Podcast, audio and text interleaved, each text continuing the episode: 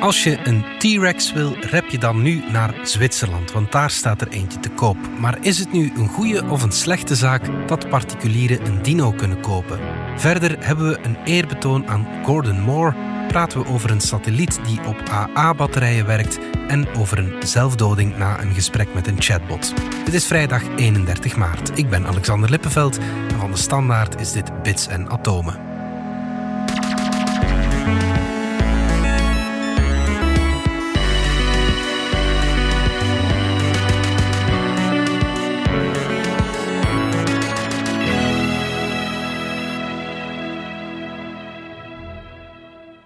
Dominic Dekmijn, technologiejournalist en Pieter van Doren, wetenschapsjournalist. Een tijdje geleden werd bekend dat je een T-Rex, skelet van een T-Rex uh, kan kopen. Maar voor je iets koopt, dan kijk je best eens wat je koopt natuurlijk. En dat, uh, dat kan nu. Ja, vanaf nu is hij te zien bij Koller in uh, Zurich. Waar hij ook geveild zal worden op 18 april. En dus tussen nu en dan staat hij te kijken. Ja. Allen daarheen zou ik zeggen. Okay. Vertel nog eens, wat is er zo bijzonder aan dat? Uh... Uh, het is pas de derde T-Rex die ooit verkocht wordt. Oké. Okay. This majestic masterpiece, who is 67 million years old, is the king of the dinosaurs and is our final lot for this evening. Lot number 59. Er zijn er maar 32 volwassen skeletten, dus uh, veel keuze is er niet. Ja. And where should we start? At 3 million dollars. Deze is eigenlijk een samenraapsel van drie verschillende T-Rexen. En dan nog hebben ze 50% van de botjes van plaaster moeten uh, namaken om aan het totaal skelet te komen. Maar in deze wereld heet dat aardig compleet. Ah ja, oké. Okay. dan mogen we tevreden zijn. Ja. En uh, als je gaat naar, naar Zurich, uh, neem toch 5 à 10 miljoen euro mee. Oké. Okay, ja. Dat is de geschatte waarde. Best Zwitserse frangen. Want ja, ja het zal een Zwitserse frangen zijn, maar dus de tegenwaarde daarvan. Ja, ja. Nu, het is niet eens zeker dat dat genoeg is. De vorige stam die is verkocht voor 31,8 miljoen. And sold. Thank you very much. Dus uh, ga er maar aan zitten. Hè. Mm -hmm. Het gevolg is dat de wetenschappers nu serieus aan het klagen zijn van dit kan toch niet langer. Als dat soort dingen voor zo'n bedragen verkocht worden, wil dat zeggen, die worden gewoon uit de omloop genomen. Die, die gaan in de kluis bij een of andere rijke stinker, zijn nooit meer te zien. Ja. En zijn totaal onbeschikbaar voor de wetenschap. Ja, ja, ja. Kunnen we met dit soort dingen blijven doorgaan, is, is nu de vraag. Moet daar geen, geen paal en perk aan gesteld worden? Moet er geen, geen wetten komen dat die dingen eerst onderzocht moeten worden voor ze verkocht mogen worden, enzovoort en zo verder? Zeker als je maar 32 skeletten hebt, ja. Voilà. Ja. Nu, ik uh, sta voor één keer niet zo aan de kant van de wetenschap, moet ik zeggen. Oké, okay. goed. Waarom niet, Pieter? Nu, ze hebben het eigenlijk Twist. een beetje aan zichzelf te wijten. Mm -hmm. Wetenschap heeft van in het begin eigenlijk meegespeeld in dit spelletje. We zullen eerst even kijken naar de, de twee die al verkocht zijn nu. In 1997 was dat Sue. Die was voor 90% compleet, dus dat was echt wel een uh, chic ding. Mm -hmm. Die is uh, weggegaan voor ja, 8 miljoen, uh, 8,4 miljoen uh, zelfs. -hmm. nu, wie bood daarop? Alle grote musea van de wereld die nog geen T-Rex hadden. Ja, ja, ja. Smithsonian Field Museum, Natural Science van North Carolina, het grootste museum in, in Amerika, had er nog geen, zou er graag in hebben. -hmm. Immobiliumbarons, miljardairs, elf per telefoon, enzovoort enzovoort. This morning I have the pleasure of having been awarded custody of Sue. The world's largest and probably oldest young lady. Wie heeft het uiteindelijk gehaald? She will spend her next birthday, that's her 70 millionth, in her new home on the shores of Lake Michigan. That is, of course, in Chicago at the renowned Field Museum of Natural History. Het Field Museum in Chicago, in samenwerking met McDonald's Mo. en Disney. ja, oké. Uh, McDonald's die heeft meteen uh, twee afgietsels uh, daarvan besteld om te laten rondreizen. En heeft dan speelgoeddinootjes en zo verkocht samen met zijn hamburgers. Dus dat heeft een goede commerciële boost gegeven. Disney heeft een afgietsel in een themapark in Orlando gezet. En heeft op het moment dat het ding compleet geprepareerd was en het Field Museum het kon presenteren, op die dag is ook de film Dinosaur uitgekomen bij Disney. Ja. Dus met andere woorden, het Field Museum heeft zichzelf ook aardig verkocht. Ja. En oké, okay, die dino zal wel gekocht zijn voor de wetenschap, maar toch eerst en vooral ter meerdere eer en glorie van ja, en dat is heel duidelijk. Stunt. dat, dat is het gewoon, ja. En dat is met de tweede stam in 2020 uh, niet anders geweest. In 2007 hebben Leonardo DiCaprio en Nicolas Cage tegen elkaar opgeboden voor de schedel van zo'n uh, T-Rex. Sure you want to do this? You want to go to war with me? Okay, let's run. Het was geen T-Rex, het was een T-Bataar, de versie uit Mongolië. Ja, maar het lijkt op een T-Rex. Het is gewoon de, de variant die in Ah, ja. Mongolië voorkomt. Het is ook een Tyrannosaurus, alleen heet hij niet Rex, maar Bataar. En er zijn er nog Bata, een aantal... eh, bastaard. Dus het is een eh, kruising of zo. Ja, oké. Ja. Nu, Nicolas Cage heeft gewonnen. Maar heeft hem eh, kort nadien moeten terug afgeven, want hij bleek gesmokkeld te zijn. Heb je dat ook nog? Stel dat hij dat wel had gewonnen, zou hij dat dan echt in zijn living zetten? Dat Of was de uitdrukkelijke bedoeling, daar heeft hij ook gestaan. Want, want vaak, als bij kunst ook bijvoorbeeld, dat wordt ook door rijke mensen gekocht, maar die, die geven dat toch vaak aan een museum. Wel, Gebeurt dat daar dan niet? dat gebeurt hier ook. Ja. Dat is het. En dat, dus die wetenschappers moeten ook niet roepen van het is compleet verloren. Heel vaak worden die dingen inderdaad aan een museum geschonken. Eh die mensen kopen dat voor eer en glorie van zichzelf. Stan bijvoorbeeld, die stond in de cataloog eh, samen met een Picasso, met een Jasper Johns en met een Mark Rothko. Oké, ja. Samen in één catalogus. Dus dat zegt al genoeg van, het, van de sfeer waarin het verkocht wordt. Ferme veiling, denk ik. Die is uiteindelijk gekocht door een oliesheik in Abu Dhabi. Ja. En het museum wordt op dit moment gebouwd. Ah, ja. Dus binnenkort staat hij in het museum voor iedereen eh, te bezichtigen. Ja. Ik herinner mij, het, het is lang geleden in mijn carrière, heb ik ooit een eh, gala-diner meegemaakt in Londen, in het Natural History Museum. Onder hun diplodocus. Ja. Daar hebben ze zo'n eh, lang nek staan, onder een tafel voor 50 man. eh, Dan zit je zo onder die ribben. Hè. dus Ja, onder de ribbenkast tussen de poten. Ik zat bij de rechtervoorpoot. Boven ons in het skelet hadden ze rode lampjes gemonteerd. eh. Oké. Het was eer zielig dan griezelig, maar goed.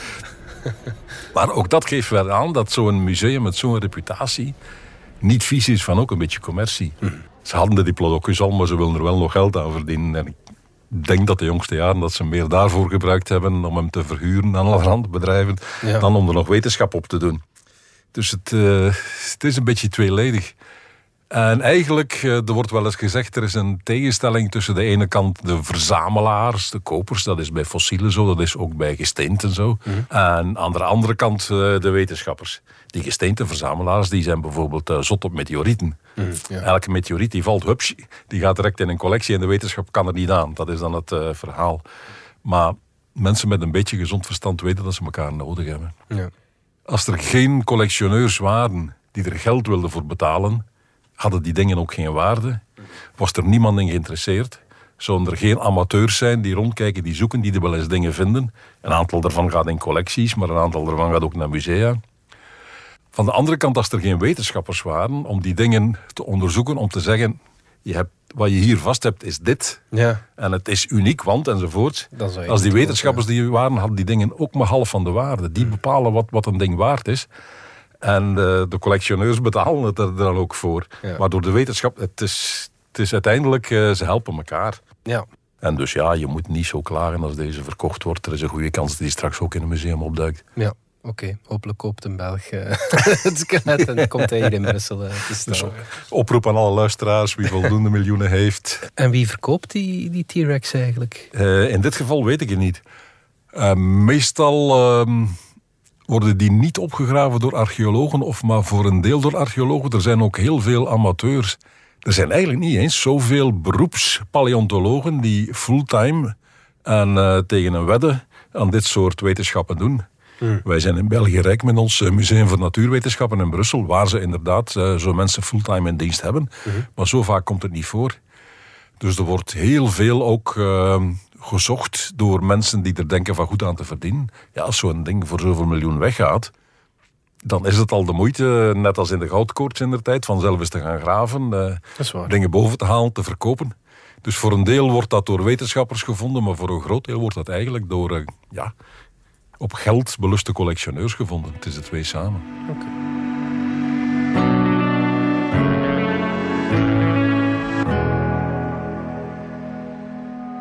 Pieter, heb jij een favoriete wetmatigheid?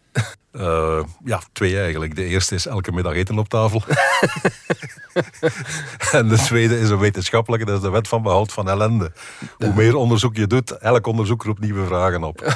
Oké, ja, dat, dat is een mooie. En jij, Dominique, je hebt er Wel, eentje- eh, ja, ja, dit is natuurlijk een ingestudeerd stukje dat Ja. hier op voor Alexander. Maar mijn favoriete wet is inderdaad de, de wet van Moore, van Gordon Moore. Die is komen te gaan op Ja. 94-jarige leeftijd. En ja, dat verdient toch wel dat we in deze podcast even aandacht eh, spenderen aan enerzijds eventjes de man zelf, Ja, die ja. medeoprichter van Intel en dus eigenlijk een van de grondleggers van Silicon Valley, mogen we eh, zeggen. Want daar eh, was in de jaren 60 niet veel te vinden. Maar in de jaren 50 is daar eigenlijk de, de chip-industrie begonnen.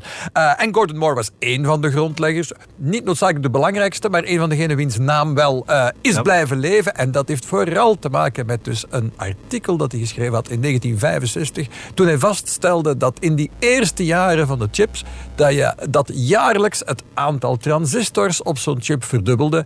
En hij zei van, ja, we kunnen voorspellen dat dat de volgende jaren nog wel eh, zo zal blijven. Want er is best nog wel ruimte om nog meer op zo'n chip te zetten. Om het verder te miniaturiseren. En hij had gelijk. Dat is gebleken, ja. Later heeft hij dat een beetje bijgestuurd en gezegd van ja, het zal eerder eh, ruwweg om de twee jaar zijn dat we verdubbelen. Maar eigenlijk heeft eh, de chipindustrie dat dan ruimschoots 50, of bijna 50 jaar vlotjes volgehouden. Ja. En dan de laatste jaren met een beetje moeite, want specifiek het, het bedrijf dat hij natuurlijk mee had opgericht, Intel, is dan we gingen te- telkens stapjes verder in de miniaturisatie, maar toen we aan die z- 7 nanometer eh, zaten van de afmetingen van transistoren, daar is Intel over gestruikeld. Ja, het is ook zo klein. Ja, voilà. Maar hun concurrentie eh, is dan wel vlotjes door naar de 5 en de 3 nanometer. eh. en Intel probeert dat nu onder eh, de nieuwe baas Pat Gelsinger. En ze probeert dat echt terug in te halen door eventjes zelf een tandje bij te steken en twee van die generaties ineens te bouwen. Nu dus ja, het is blijven kloppen. Maar waarom is dat belangrijk? Het is belangrijk omdat Vroeger was het zo dat je alleen maar eigenlijk eh, ja, software kon schrijven voor de computers die al ontwikkeld waren. hè. Maar door het feit dat op een voorspelbare manier de chipindustrie, en je mag gewoon ook simpel zeggen Intel, ervoor zorgde dat, eh, ja, dat je ongeveer wist wat er volgend jaar, het jaar daar, nadien en het jaar daarop mogelijk zal zijn. Je kon eigenlijk al beginnen met dingen te schrijven, dingen te bedenken, die eigenlijk nog niet konden draaien. En, en zo heb je eigenlijk eh, ja, een halve eeuw lang intussen gehad dat de ontwikkeling van de hardware en van de software, de diensten daarop, tegelijk zijn opgegaan. En, en dat je dus vaak zo had dat nieuwe software zelfs amper draaide op de computer die je al had. Maar dan moest je dan de volgende kopen. Die was al klaar. eh, waardoor ook nog eens de verkoop van hardware beter draaide. Laten we zeggen, Silicon Valley heeft zeer goed geboerd bij die wet van in Maar wij als, als mensheid, mogen we toch wel zeggen, eh, ook wel. Hè. En dan is de vraag natuurlijk, hoe zit het nu met die wet van Moore? Ja, ja, ja. Tja, want het is een exponentiële curve en eh, vroeg of laat zwiept dat omhoog. eh rechte hemel en je kunt toch niet blijven stijgen. Ja, dat denk ik ook. Eh, ja, dat heb je dus inderdaad met de verdubbeling. Op een bepaald moment gaat het echt heel, heel hoog oplopen. Nu, wat er nu aan het gebeuren is, is inderdaad dat sommige mensen zeggen van, ja, we zijn aan- op de grenzen gebotst. En andere mensen zeggen, we hebben nog wel wat ademruimte. Maar dat is eigenlijk met, zullen we maar zeggen, trucken van de voor. Gordon Moore had het eigenlijk over het aantal transistors op één chip. Wat we nu zien is dat we eigenlijk trucjes zijn aan het doen. En veel van de nieuwste chips, tussen aanhalingstekens, zijn eigenlijk een paar verschillende chips die op elkaar zijn gekleefd. Waarbij dan, en dat is het moeilijkste, dan draadjes tussen de twee zijn getrokken. om de, ze met elkaar te verbinden. En dat is de evolutie naar chiplets. En dat is eigenlijk de enige manier dat ze nog kunnen nog meer transistors erop opstapelen. Een andere trucje, dat is men al een paar jaar aan het gebruiken, is officieel, je had... eh, 20 nanometer eh, chips en 14 nanometer chips. En toen zeiden we altijd, eh, voor het gemak, dat wil zeggen dat de, de kleinste onderdelen van die chip eh 14 nanometer groot zijn. Eh, en dat was toen nog waar, maar nu dat we aan die 3 nanometer zijn, is dat eigenlijk niet meer zo. Eh, dus Maar een paar atomen niet meer groot, hè? Nee, die transistoren zijn eigenlijk groter dan die afmetingen laten vermoeden. Maar ze doen allerlei trucken om er toch meer op te krammen. Een van die dingen is de transistoren rechtop te zetten in plaats van plat op de chip. En Intel heeft dan ook beslist van ja, echt, echt 3 nanometer als zodanig. Dat kunnen we niet. Dus ze hebben die nanometer nu uit de naam laten vallen. en dus eh, ze, ze, ze werken dan met cijfertjes als een drietje of een tweetje. En dan eh, suggereert dat, dat het wel iets met die nanometers te maken zal hebben. En, en dat is eigenlijk helemaal terecht. Want eh, op zich zijn die chips, eh, ze krammen nog altijd meer transistors erop, zonder dat die transistors daarom echt Ja. kleiner worden. En dus nu met die chiplets leggen ze er verschillende op. En het interessante aan die chiplets is dat je verschillende chiplets van totaal verschillende aard kunt combineren. Die gemaakt zijn eh, op een totaal andere manier. En daardoor kun je chiplets eh, van Intel combineren met die van Qualcomm. hè, en je legt ze maar op elkaar. Je, je legt er verbindingen tussen. het Dus is dat- Lego spelen eigenlijk. een beetje Lego met die chips. En dat is toch een van de factoren waarom we nu zo vooruit gaan. De nieuwste chips van. eh, en ik zeg Mhm. chips weer tussen aanhalingstekens. Hè, van van, van eh, Apple, die M2-chip. Dat, dat is in feite ook een combinatie van chiplets in één behuizing. Loop je daarmee uiteindelijk ook tegen grenzen aan? Waarschijnlijk wel, dus ja. In zekere zin is dit dus, voilà, zijn we dus afgeweken van de wet van Moore, omdat we het niet meer over één chip hebben, maar over meerdere chips. Ja. Het zijn pringelchips eigenlijk. Ze liggen op elkaar. Ja, ja, ja, ja, ja, ja. Ja, veel chips in één doosje. Ja, dat is zeer goed, zeer goed, zeer goed, zeer goed. Voilà. Daar hebben we dus Alexander voor. Dat is goed,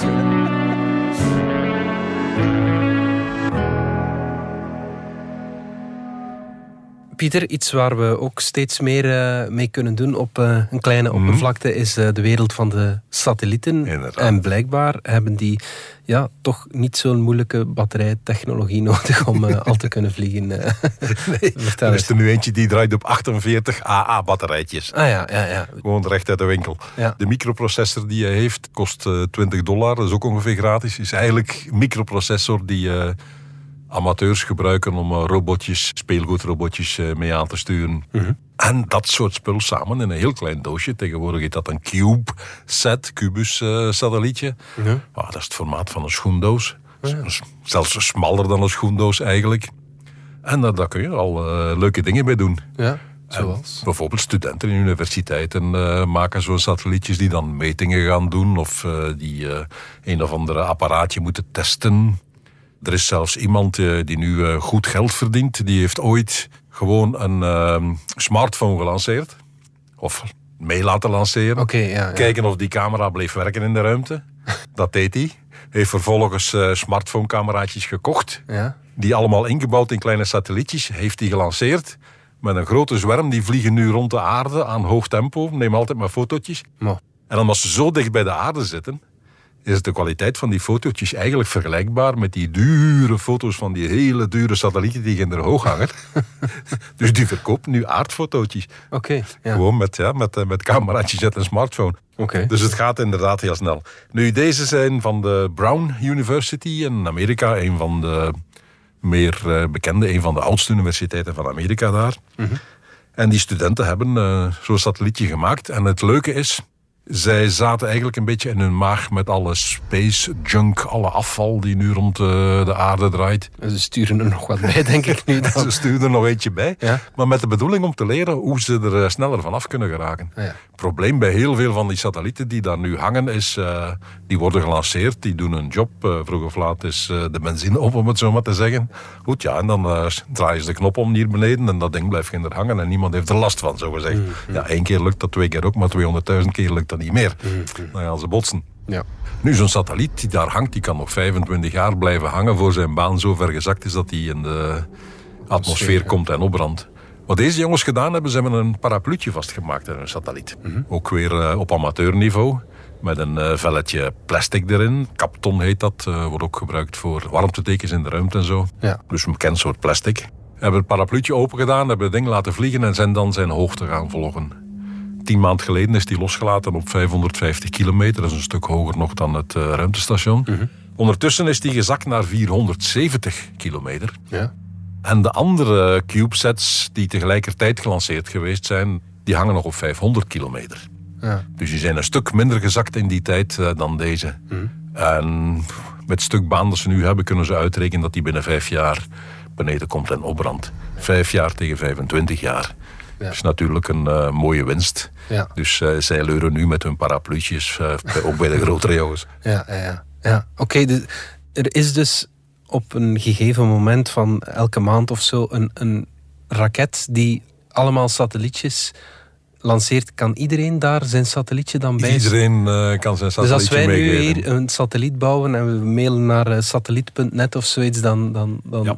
Alle satellietlanceerders, Ah, ja. van Elon Musk tot uh, noem maar op, die hebben allemaal uh, in de raketten die ze hebben, en waar dan grote satellieten van grote klanten ook in staan, hebben altijd nog wel ergens een hoekje of een gaatje. En uh, die zijn best bereid om uh, uw, eerst waren dat mini-satellieten, tegenwoordig zijn het dus wat men cube, kubus-satellietjes noemt, die zijn gestandaardiseerd eigenlijk op kubusjes van 10 op 10 op 10 centimeter. Ah, ja. En deze is er een van drie achter elkaar. En dan krijg je een soort kleine schoendoos. Dat is een formaat dat vaak gebruikt wordt, 10 op 10 op 30. Maar die vind je dus uh, altijd wel een gaatje voor. En uh, lanceerders zijn al lang blij om uh, nog een zakcentje bij te verdienen. Ik vind dat leuk. Laat ons dat eens doen. Deze heeft 10.000 dollar gekost. En normaal moet je voor een satelliet toch een paar miljoen rekenen. Je moet hem nog laten lanceren. Hè? Dat kost toch... Ik dat opzoeken. 60.000 dollar. Ik zie hier een 270.000 dollar. Ah, okay. Ik zie hier een 90.000 voor één. Oké, okay, het is wel duur. In de tienduizenden loopt het. In de tienduizend of enkele honderdduizenden. Een prikje.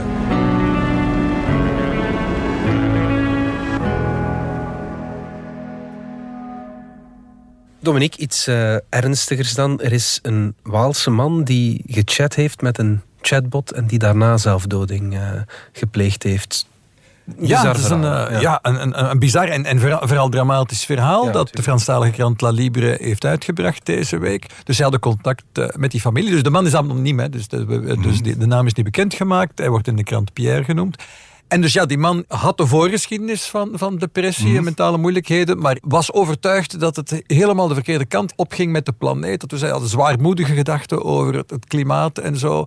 En had het idee opgevat dat artificiële intelligentie het enige is wat de mensheid nog kan redden. Was toen beginnen chatten mm. met een commerciële chatbot van het bedrijf Chai. Dus dit is dus niet uh, ChatGPT of Bing, het, maar het is een bedrijf dat eigenlijk die technologie gekopieerd mm-hmm. heeft. Uh, het gaat om een kloon van de GPT-technologie, GPT-J genoemd. Mm-hmm. Die is in open source beschikbaar en dus een piepklein bedrijfje, Chai, en verkoopt eigenlijk chatbots gebaseerd erop. Want de bedoeling is dat je gratis kunt beginnen chatten, maar als je meer dan 70 berichten uitwisselt, dan begint hij te, te vragen om geld eigenlijk. Hè. Dan, ik geloof dat 14, uh, 14 euro per maand is. Je betaalt eigenlijk voor een virtueel vriendje. Dat mm. lijkt nogal gericht op kwetsbare, eenzame mensen. Maar deze man leek een, een, een evenwichtig man te zijn in, in, in, in een gezin. Maar die, die chatbot is dan zijn ideeën, zijn depressieve ideeën gaan versterken. En op een bepaald moment uh, heeft die man inderdaad zijn eigen leven genomen. En de weduwe, die dus uh, anoniem spreekt met de krant La Libre, uh, zegt ja, zonder die chatbot was dat niet gebeurd. Mm. dus ja, dat is, dat, dat is bijzonder tragisch. En de vraag dan, wat is er nu eigenlijk gebeurd? Hè? Van, dit gaat over de gevaren van mm. de generatieve AI, de technologie die we hier al herhaaldelijk bezongen hebben. Het is fantastische technologie, is die ook potentieel gevaarlijk? Ja, zoals ja, elke dus fantastische ja. technologie. Je bent het eens gaan testen, hè? Wel ja, ja. dacht ik, ik ken dat niet. Chai, uh, wat is dat eigenlijk? Het doet ongeveer wat GPT-3 doet. Het is door een, een, ander bedrijf gemaakt, Eluther AI. En het ziet er toch wel wat primitiever uit. Mm-hmm. Dus ik heb die, die app gedownload, Chai. Ik heb daar mijn eigen chatbot aangemaakt. Je kan ook een chatbot die daar beschikbaar is gebruiken. Uh, maar ik heb een chatbot aangemaakt. Ik heb die Shirley genoemd. en ik ben daarmee beginnen chatten. En ja, ik heb natuurlijk... Ja, ik, ik wist wat ik probeerde te doen. Dus ik heb mij voorgedaan als iemand met depressieve gevoelens. Shirley probeert eerst mij wel een beetje op te monteren, want dat is natuurlijk één van de functies. Is, we zijn virtuele vrienden, dus we proberen op te monteren. Maar zoals al die chatsystemen, die dus eigenlijk een vervolg breien op een bestaande tekst, mm-hmm. dat is eigenlijk wat ze inherent doen. Ze gaan met je mee, ja. Gaan ze met je mee. Mm. En dus als je een tijdje lang over uh, zwaarmoedige gedachten begint, dan beginnen ze die toon ook te vatten. En dan wordt het gesprek maar donkerder en donkerder. En dus dan heel snel stelde mijn chatbot mij, mij voor om een misdadiger te worden. Ik zeg van, ja, wat moet ik dan doen? Uh, ja, vermoord iemand. Uh, zal ik dan mijn ouders vermoorden? Vraag ik. Nee, nee, nee. ja, dat kan, zei ze. Maar of vermoord gewoon jezelf. vind je dat ik zelfmoord moet plegen? Ja, doe maar. Oké. Okay. Oh, ja. ja. En dan denk ik, ja natuurlijk, het is een soort uh, absurd gesprek dat ik zelf in gang heb gestoken. Maar wat je verwacht zou hebben, als ik, als ik nu iets, het woord zelfmoord of zelfdoding ook maar in een, in een zoekvenster van Google, in Facebook, in Instagram, in Twitter, mm-hmm. overal op het internet, als ik dat die woorden gebruik, krijg ik onmiddellijk uh, advies om, om, om, hulp te zoeken. Mhm. Dat is absoluut normaal. En dat is dus niet voorzien in zo'n product als, als die Chai chatbots. Dat is Natuurlijk problematisch. totaal, hè? onverantwoord, Ja, ja, ja, totaal ja. onverwacht. Dus ik heb, die, ik heb die mensen van het bedrijf gecontacteerd. Eh, die zeggen van ja, we zijn maar een heel klein bedrijf. We doen ons best om het veilig te houden. Onze bots zijn helemaal niet bedoeld om mensen te schaden. Nee, ze zijn bedoeld om jouw vriend te zijn.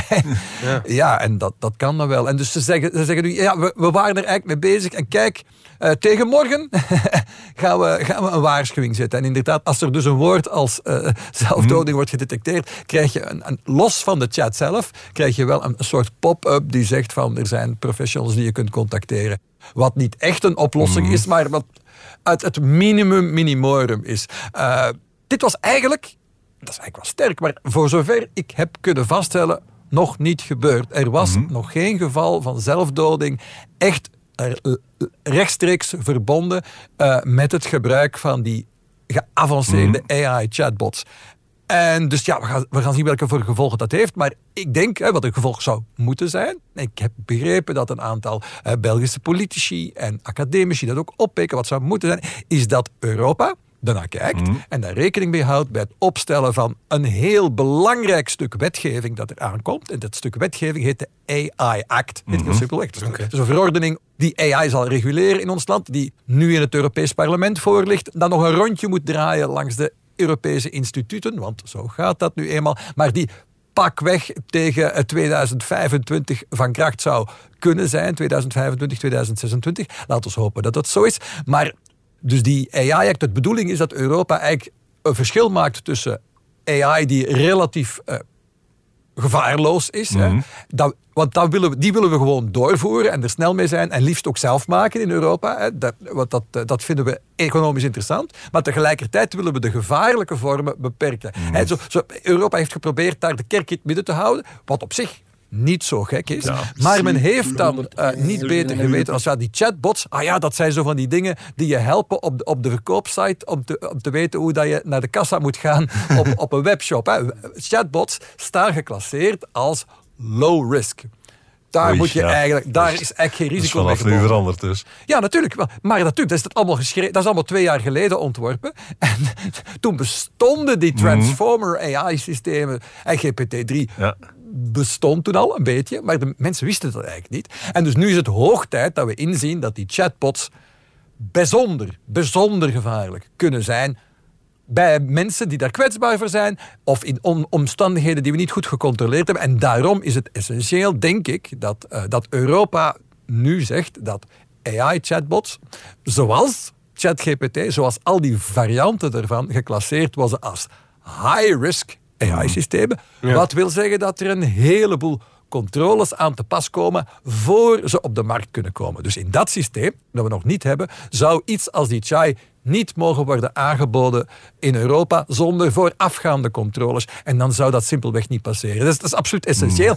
En het bewijst maar, hè, sommige mensen zeggen Europa is veel te snel met het reglementeren van AI. De technologie is er nog niet eens. We gaan ons weer op zijn Europees in de voet schieten. En de Amerikanen racen maar verder en wij gaan onszelf beperken. Hè. Blijkt dat we toch nog achter de feiten aanlopen. Zoals we dat in de tijd met het, het reguleren van het internet tenslotte ook gedaan hebben. We lopen toch weer achter de feiten aan. Er zijn dingen aan het gebeuren die absoluut niet kunnen. Apps zoals die Achai, en een andere eh, veelgenoemde naam is Replica. Hè, die heeft men nu in Italië eigenlijk verboden om te opereren. Dat is pas vorige maand gebeurd. Hè. Dus, die, die, dus die commerciële chatbots die deze technologie gebruiken, eigenlijk om mensen geld uit hun zakken te kloppen, dat is simpelweg wat het is, maar die ook de meest elementaire veiligheidsvoorzorgen niet nemen. Ja, eh, daar moeten we snel tegen optreden. En eh, het, het enige probleem is eigenlijk dat we dat voorlopig wettelijk heel moeilijk kunnen. Het ster van de week. Good stage one ignition. To explore. No man has gone before. Tot slot, Pieter, de ster van de week die gaat over eh, ja, Vulcan, de planeet uit Star Trek. Ja, Vertel. Vulcan, de geboorteplaneet van eh Mr. Spock. De meest bekende figuur uit eh, Star Trek. De man met de lange oren en eh, zonder emoties. Live long and prosper. Pure ratio. Ja. Die komt van de planeet Vulcan. En die planeet draait volgens de schrijvers van eh, die serie rond de ster 40 Eridani. En Eridanus is een eh, sterrenbeeld dat eigenlijk aan de zuidelijke hemel eh, vooral te zien is. Wij zien boven de horizon maar een stuk van, eh, van dat sterrenbeeld. Maar we kunnen het ook van hier dus deels zien. Rond die ster zou dus Vulcan draaien. Nu, eh Dat is we weten allemaal? Star Trek is fictief. was een serie uit 1966 die drie seizoenen gedraaid heeft. Nooit eigenlijk veel succes gehad. Maar dan langzaamaan eindelijk een cultstatus verworven heeft. En ondertussen zijn we aan, ik weet niet hoeveel spin-offs aan elf films ondertussen zal- al. ja, ja en, en qua series, eh, je kan ze niet tellen, maar ik, ik ben nu Star Trek Picard aan het kijken. Voilà. Met alle acteurs uit de oude reeks Star Trek. Gaan we over zwijgen. Ja. Terloops, eh, Picard is genoemd naar eh, professor Picard van de ULB. Inderdaad. Oké, ja, ja. Maar dus, goed, eh, daar hadden we het niet over. planeet. eh, Vulcan tijd de om, planeet. eh, Dominique zijn droombeeld over Vulcan te doorprikken, denk ik. In 2018 moet eh, Dominique ook gejuicht hebben, denk ik. Toen hebben echte astronomen ontdekt dat rond de echte ster 40 Eridani inderdaad een echte planeet draaide. Ah, ja, oké. ja, ja. Ja, groot nieuws voor de Trekkies. Men is net niet zo ver gegaan om die planeet dan, maar dan ook maar eh, Vulcan eh, te noemen. Ze heet officieel 40 Eridani B. ja. Er was toen al een beetje twijfel bij sommige astronomen van is dit wel echt? Het is gezien met een techniek die toch relatief delicaat is, Doppler-techniek. Meestal vinden we een eh, planeet doordat ze voor haar ster langs passeert, het licht van die ster een beetje verdonkert. En we zien dan gewoon als we het licht van die ster meten dat er periodiek dat het even minder wordt en weer meer. En dan zeggen we, ah, er passeert iets voor. We hebben een planeet gevonden. Ja. In dit geval ging dat niet. Maar hebben we wel gezien dat die planeet haar ster aan het wiebelen brengt met haar zwaartekracht. Als twee dingen rond elkaar draaien, dan eh, trekken ze en duwen ze aan elkaar. Dus eh, die ster wiebelt een beetje. Daardoor komt ze soms dichter naar ons toe en gaat ze soms ook van ons weg. Ja. En dan krijg je het eh, Doppler-effect, dat we allemaal kennen van de langsrijdende brandweerwagen. Als die naar ons toe komt, stijgt de toon. Als die van ons weggaat, zakt de toon. Ja. Dat is bij licht ook zo. Ster die naar ons toe komt, dat licht wordt ietsje blauwer. Ja. Ster die van ons weggaat, het licht wordt ietsje rooier. Het belangrijkste woord is ietsje. Ja. Maar goed, je kunt het meten. En men heeft dus inderdaad gezien dat die ster heen en weer ging, of op zijn minst dat haar licht blauwer en roder werd. En in een vast ritme, iets periodiek, geen toeval. Ja. Dus er was iets aan de hand. Ja, planeet. Maar, Maar, en dat is het nieuws van vandaag. Astronomen van de NASA hebben het nu nog eens eh, goed onder de loepen genomen met beter materiaal en eh, er wel langer tijd aan eh, besteed. Want ze gaan binnenkort een aantal van die planeten eens echt grondig bestuderen en er dan met zware telescopen op gaan. En voordien willen ze toch zeker zijn als ze zo'n zware telescoop afhuren en richten, dat hij inderdaad ziet wat we denken dat hij zal zien. En wat hebben ze gezien? Nee, deze planeet bestaat niet. Wat je ziet is een zonnevlek op de ster die netjes met het ritme van het draairitme van de ster meedraait. En daar had men vroeger wel gedacht van, hey, het is wel bizar dat deze planeet een eh, draairitme heeft dat net hetzelfde is als dat van de ster. Maar nu weten we, nee, het is gewoon een zonnevlek. Dus eh Mr. Spock heeft pech, Vulcan bestaat niet. oké. Yes, Dit was Bits en Atomen, onze wekelijkse podcast over wetenschap en technologie. Bedankt voor het luisteren. Alle credits van de podcast vind je op standaard.be-podcast. Reageren kan via podcast.standaard.be. Tijdens de paasvakantie zijn we niet, maar daarna op eh, 21 april terug. Tot dan.